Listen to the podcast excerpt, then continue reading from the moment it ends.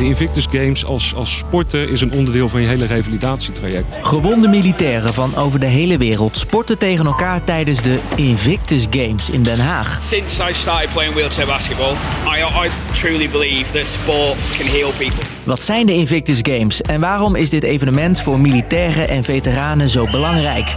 Ik ben Jasper en dat leg ik je uit. Lang verhaal kort.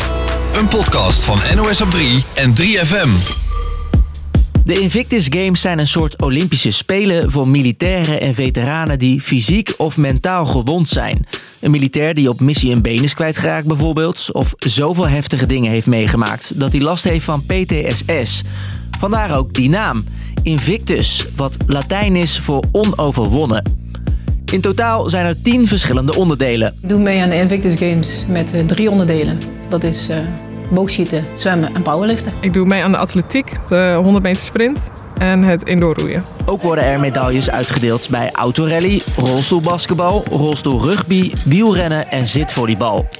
De games werden jaren geleden bedacht door de Britse prins Harry, die zelf ook in het leger heeft gezeten, nadat hij de Warrior Games in Amerika bezocht, een soort gelijk evenement. Last year, I visited the Warrior Games in the United States, seeing people who only months earlier had been told they'll never walk again, and now winning medals in front of their family and friends was breathtaking. In 2014 organiseerde hij in Londen de allereerste Invictus Games. I knew that anyone would be inspired by what these men and women had achieved. Daarna werd het evenement iedere keer in een ander land gehouden. En nu dus de vijfde editie in Den Haag, waar Harry en zijn vrouw Meghan ook bij zijn. Meedoen is belangrijker dan winnen. Het is een cliché, maar in dit geval klopt het wel.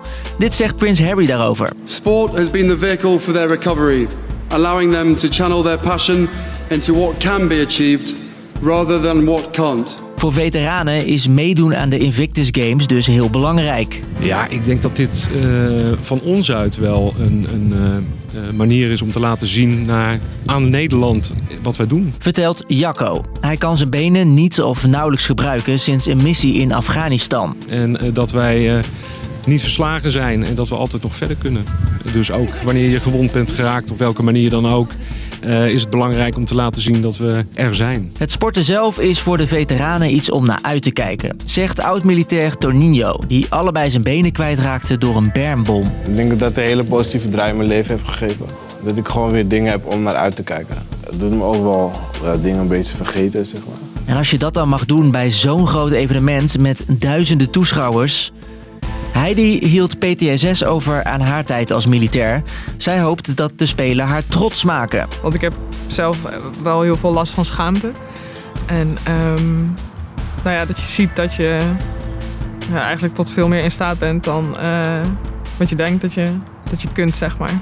En ook voor de familie van sporters is het evenement belangrijk.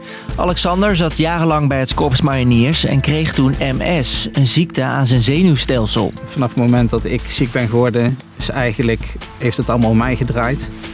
En terwijl mijn vrouw en kinderen eigenlijk minimaal net zo'n zware dobber hebben gehad als ik en nog steeds. Dus ik vind het heel erg belangrijk dat hun hier nou met mij erbij zijn en dat ze hopelijk een beetje voelen wat ik uh, heb gevoeld. Een beetje die trots en waardering en de bevestiging uh, van wat hun doen. Aan de Invictus Games doen dus militairen en veteranen mee uit allerlei landen. Ook uit Oekraïne.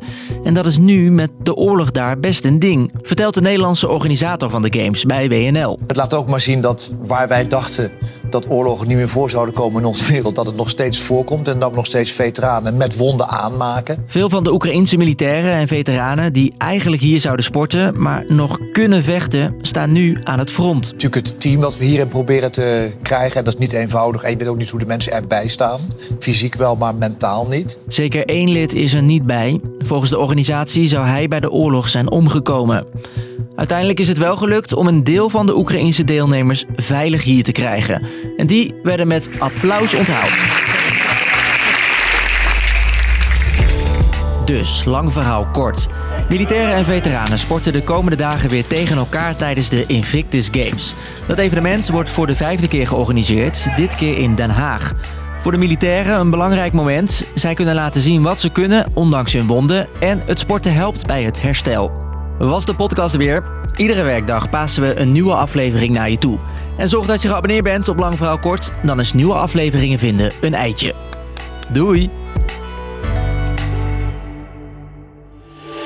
3FM Podcast. Stel, je bent 30 jaar, verliefd op de leukste vent van de stad. Hoi, ik ben Lex Uiting. Ja, en Suus is natuurlijk de leukste vrouw van de stad. Je hebt eindelijk je droombaan te pakken. En je grootste wens is om ooit een kindje te krijgen. Wat gebeurt er allemaal? Dan krijg je te horen... In een van de twee biopten die ik had genomen, dat daar wel kankercellen in zijn gevonden. Je hebt baarmoederhalskanker. In de podcast De Tumortapes hoor je ons persoonlijke, eerlijke en rauwe verhaal. Wat doet baarmoederhalskanker met je? En wat betekent dit voor je allergrootste droom? De Tumortapes, vanaf nu te beluisteren in de 3FM-app of op jouw favoriete podcastplatform.